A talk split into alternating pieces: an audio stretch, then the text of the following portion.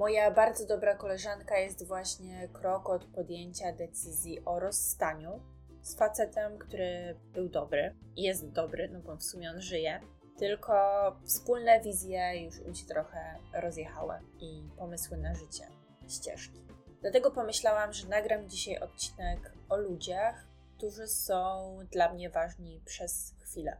Ale to, że byli ważni przez chwilę, nie oznacza, że nie byli ważni. A zainspirowały mnie do tego zarówno historia mojej koleżanki, jak i kilka refleksji związanych z poznawaniem ludzi w podróżach. Zapraszam, chodźmy pogadać. Więc podróżuję sobie teraz już. W zasadzie zaczęłam trzeci miesiąc swojej podróży po Azji Południowej i Południowo-Wschodniej.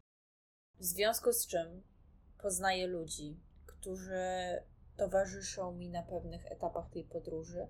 I muszę przyznać, że podczas trwania tych etapów są dla mnie bardzo ważni. Dzielę z nimi jakieś refleksje, czasami bardzo głębokie, ciekawe rozmowy. Przez tych kilka dni zajmują moją głowę i myślę o nich i, i są dla mnie naprawdę istotni. Ale potem podróż się kończy, albo gdzieś tam nasze drogi się rozjeżdżają i z jednymi będę miała kontakt, a inni na zawsze pozostaną moim miłym albo intrygującym wspomnieniem. Bo może i ja zapraszam ludzi do siebie regularnie i nigdy nie rzucam takich słów na wiatr, więc jeśli do kogoś mówię, jesteś zaproszony, albo daj znać, jak będziesz w Warszawie, zapraszam, to znaczy, że naprawdę zapraszam.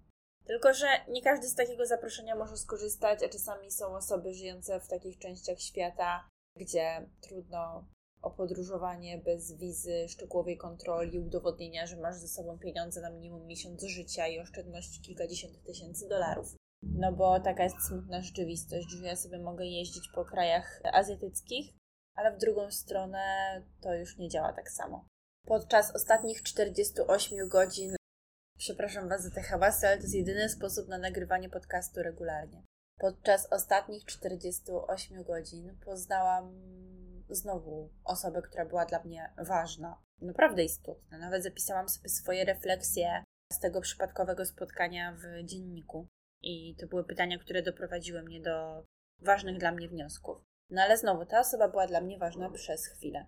W samolocie do Kuala Lumpur liniami AirAsia, co jest ciekawe, w klasie ekonomicznej, poznałam bardzo ekscentryczną Brazylijkę, blondynkę o niebieskich oczach z włoskim paszportem, która postanowiła zasmakować normalnego życia. To jest po prostu moment dla mnie jak z filmu. Pani była moją imienniczką, miała ponad 60 lat, ale była tak dobrze zrobiona, że dałaby mi 42 max. Naprawdę, dałaby mi 42 max. Może dałaby mi więcej, gdybym wcześniej spojrzała na jej dłonie i szyję. Ale długie blond włosy, bardzo ładnie zrobiona, nie w taki sposób jak Rosjanki. Sorry, że to powiedziałam, ale to powiedziałam w sumie, więc niech już będzie. Tylko tak naprawdę z klasą i elegancko, w sposób w jaki się poruszała i mówiła, również no, zdradzał to, że nigdy nie musiała się martwić o pieniądze i to po prostu było widać, słychać i czuć. Ta kobieta, moja minniczka Anna, postanowiła spędzić jakby swoją drugą połowę, jak to określiła, życia, bo już odchowała synów, pokazywała mi zdjęcia tych synów, na podróżowaniu i robieniu tego, co jakby zawsze chciała robić. I to było ciekawe, bo ona w pewnym sensie powiedziała mi, że podziwia mnie, bo z krótkiej rozmowy oczywiście wywnioskowała, że podróżuje solo, więc tak zaczęła się nasza gadka. I teoretycznie to ja powinnam być osobą, która chciałaby się zamienić z nią miejscem, no bo było widać, że pieniądze nie są dla niej absolutnie żadną przeszkodą. I ta kobieta opowiedziała mi o tym, trudne jest dla niej życie w Brazylii, bo musi się poruszać w kuloodpornym samochodzie. Nie wiem, czy to jest normalny problem Brazylii, jakiejś części Brazylii, czy problem tylko bogatych ludzi w Brazylii, ale wydaje mi się, że jest taki poziom bogactwa, po którym widać, że ktoś nie jest nowo bogacki, ale widać, że ma pewien sposób obycia, wysławiania się, który krzyczy całym swoim istnieniem, że ta osoba nigdy nie musiała się martwić o troski życia doczesnego, że tak to nazwę. Było to naprawdę intrygujące, bo okazało się, że Boże, to naprawdę brzmi jakby to był problem jakiegoś pierwszego świata, ale że jest taki level życia, w którym te pieniądze ci tak naprawdę zniewalają i utrudniają życie. Właśnie spojrzałam na swoje ramiona i widzę, że będę w bardzo brzydki sposób tracić skórę. Sorry z tej dygresji, ale wyglądam jak brudas, nie cierpię tego momentu opalania się. Może dzisiaj kolejną ważną przez chwilę osobą stanie się jakieś aptekarz, który zaleci mi jakiś balsam do ciała i wymieni się z nim kontaktem na WhatsAppie. Więc miałyśmy bardzo intrygującą pogawędkę, która trwała lot. Nie wiem, czy ten trwał 3 godziny, coś koło tego. Więc jak na rozmowę z randomową osobą, a ja jestem spektrum autyzmu, mówiłam to kilka razy, ale nie cierpię small. Więc ja od razu wchodzę na takie sensowne, ciekawe rozmowy i nie ma dla mnie tematów tabu. Nie każdy lubi ze mną rozmawiać i jestem tego świadoma. Ale myślę, że trzy godziny pogawędki z kimś, kto przez chwilę był ci obcy i nie znałeś jego imienia, to jest bardzo dużo czasu i tego typu rozmowy są dość głębokie intensywne. I to jest dla mnie dość taki ciekawy moment w podróży, bo przez chwilę czuję z kimś głęboką więź. I przez tydzień pewnie będę wracała myślami gdzieś do tej rozmowy, a potem pewnie przypomni mi się za dwa lata w jakimś randomowym momencie. Może zobaczę kogoś w podobnej sukience albo kogoś pochodzącego z tego samego kraju i przypomnę sobie o tej kobiecie. Miałyśmy zajebiście ciekawą, intrygującą rozmowę, którą zostawię dla siebie. Ale jest też tak, że czasami dzielę z kimś jakiś fragment podróży. Ktoś zatrzymuje się w tym samym guest house'ie, albo poznajemy się gdzieś i nasze drogi się przecinają. I ta osoba potrafi być dla mnie ważna przez tydzień czy dwa tygodnie. A potem wszyscy się rozjeżdżamy i zapominamy o swoim istnieniu. Może po dwóch latach damy sobie unfollow w social mediach, bo będzie nam głupio, że nie wymieniliśmy przez ten czas ani jednej wiadomości, a przez dwa tygodnie byliśmy sobie w pewnym sensie bliscy, bo nie rozmawialiśmy o pierdołach i o cenach żywności w polecanych knajpach. Chociaż takie tematy też pewnie gdzieś się przewinały, tylko na jakieś takie głębsze tematy. Chciałabym, żebyśmy znormalizowali ten koncept. To jest to samo, co powiedziałam mojej koleżance, która zastanawia się, czy jest złym człowiekiem przez to, że związek przestał jej służyć i chce kogoś rzucić. A to nie jest akurat coś, nad czym można popracować w tym przypadku. Więc ja bym chciała, żebyśmy znormalizowali ten koncept, że pewni ludzie są dla nas ważni przez chwilę. To, że to jest tylko chwila, nie umniejsza ważności tej relacji. Przez moment ważna była dla ciebie pewnie jakaś nauczycielka w szkole. Może były 2-3 lata w twoim życiu, kiedy ta osoba była jedną z osób, o której częściej często myślałaś, która wywarła jakiś duży wpływ na twoje życie. Ale potem twoje życie się zmieniło poszło do przodu, miałeś inne wyzwania, inne momenty. I nawet nie wiesz, czy zasadnym byłoby przyjść z okazji Dnia Edukacji Narodowej, dać jej kwiatka albo porozmawiać z nią. Bo znowu wasze życia się rozjechały i jesteście sobie w pewnym sensie obcy. Nawet czasami ciężko mi powiedzieć, czy ja znam jakąś osobę, bo znałam kogoś w latach dwudziestych życia tej osoby, a teraz ta osoba ma lat 30 i może być kimś zupełnie innym. Ja znam swoje wspomnienie, albo znam dwudziestoletnią wersję tej osoby. Trzydziestoletnia może być zupełnie inna i możemy nawet nie mieć już wspólnego języka, wspólnych płaszczyzn, wspólnych pól do rozmowy o czymś ciekawszym niż co u ciebie, co słychać, jak ci życie płynie, stara bieda i tego typu gadki. I dla mnie to jest ok, że pewni ludzie są dla nas ważni przez krótkie momenty nie czuję się też zobowiązana do kontynuowania pewnych znajomości, które właśnie z definicji były znajomościami na chwilę. Czyli na przykład poznałam kogoś w podróży. Są osoby, z którymi kontakt oczywiście utrzymam i osoby, za którymi będę tęsknić, ale nie każdy jest taką osobą.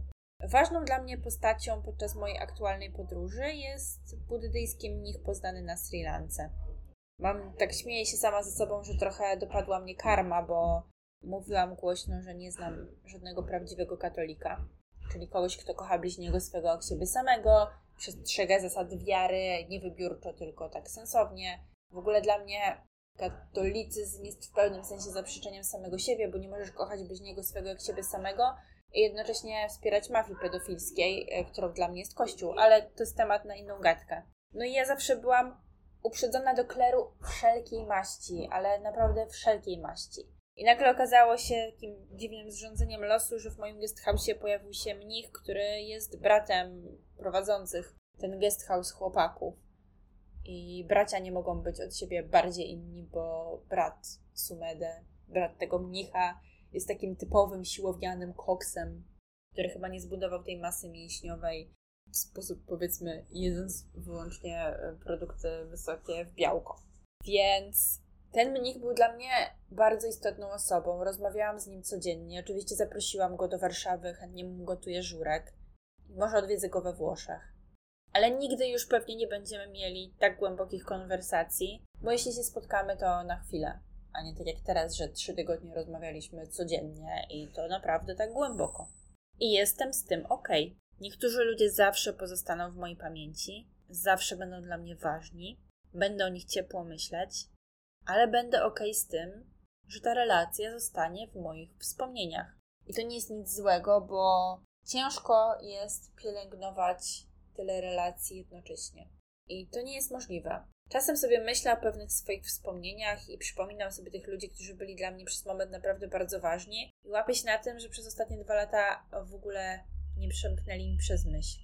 A był czas, kiedy przemykali regularnie. I to nie unieważnia w żaden sposób tego, że ta znajomość była ważna na pewnym etapie mojego życia. Dzisiaj znowu krótko, bo uważam też, że nie ma sensu za bardzo się rozgadywać na ten temat. Ale chciałam zachęcić Was do refleksji, bo może akurat dzisiaj czujecie się przed kogoś odrzuceni. Może zakończyła się jakaś znajomość, która była dla Was ważna na jakimś etapie życia, a teraz jej nie ma. Może jest Wam smutno, że licealne koleżanki już nie utrzymują z Wami kontaktu. Ale ja na przykład to rozumiem, nie? Bo ich życia mogą być zupełnie inne i to jest naturalne, że poznajesz chłopaka, poznajesz znajomych w pracy, zapisujesz się na zajęcia taneczne i w pewnym sensie znajomi, z którymi masz więcej wspólnych płaszczyzn, więcej sytuacji, w których z nimi widzisz, bardziej wam się kalendarze zgrywają, wypierają tamtych znajomych z innego czasu życia, z którymi już no nie jest ci po drodze. Dla mnie to jest zupełnie normalne, nie jest to coś, o co można się obrażać. Czasami widzę, jak ktoś ma żal, mam grupę na Facebooku, że rozjechało się życie z koleżankami ze studiów i już ten, ta osoba nie ma znajomych. Znajomych trzeba aktywnie zdobywać przez całe życie. To nie jest coś, co będzie nam dane raz na zawsze.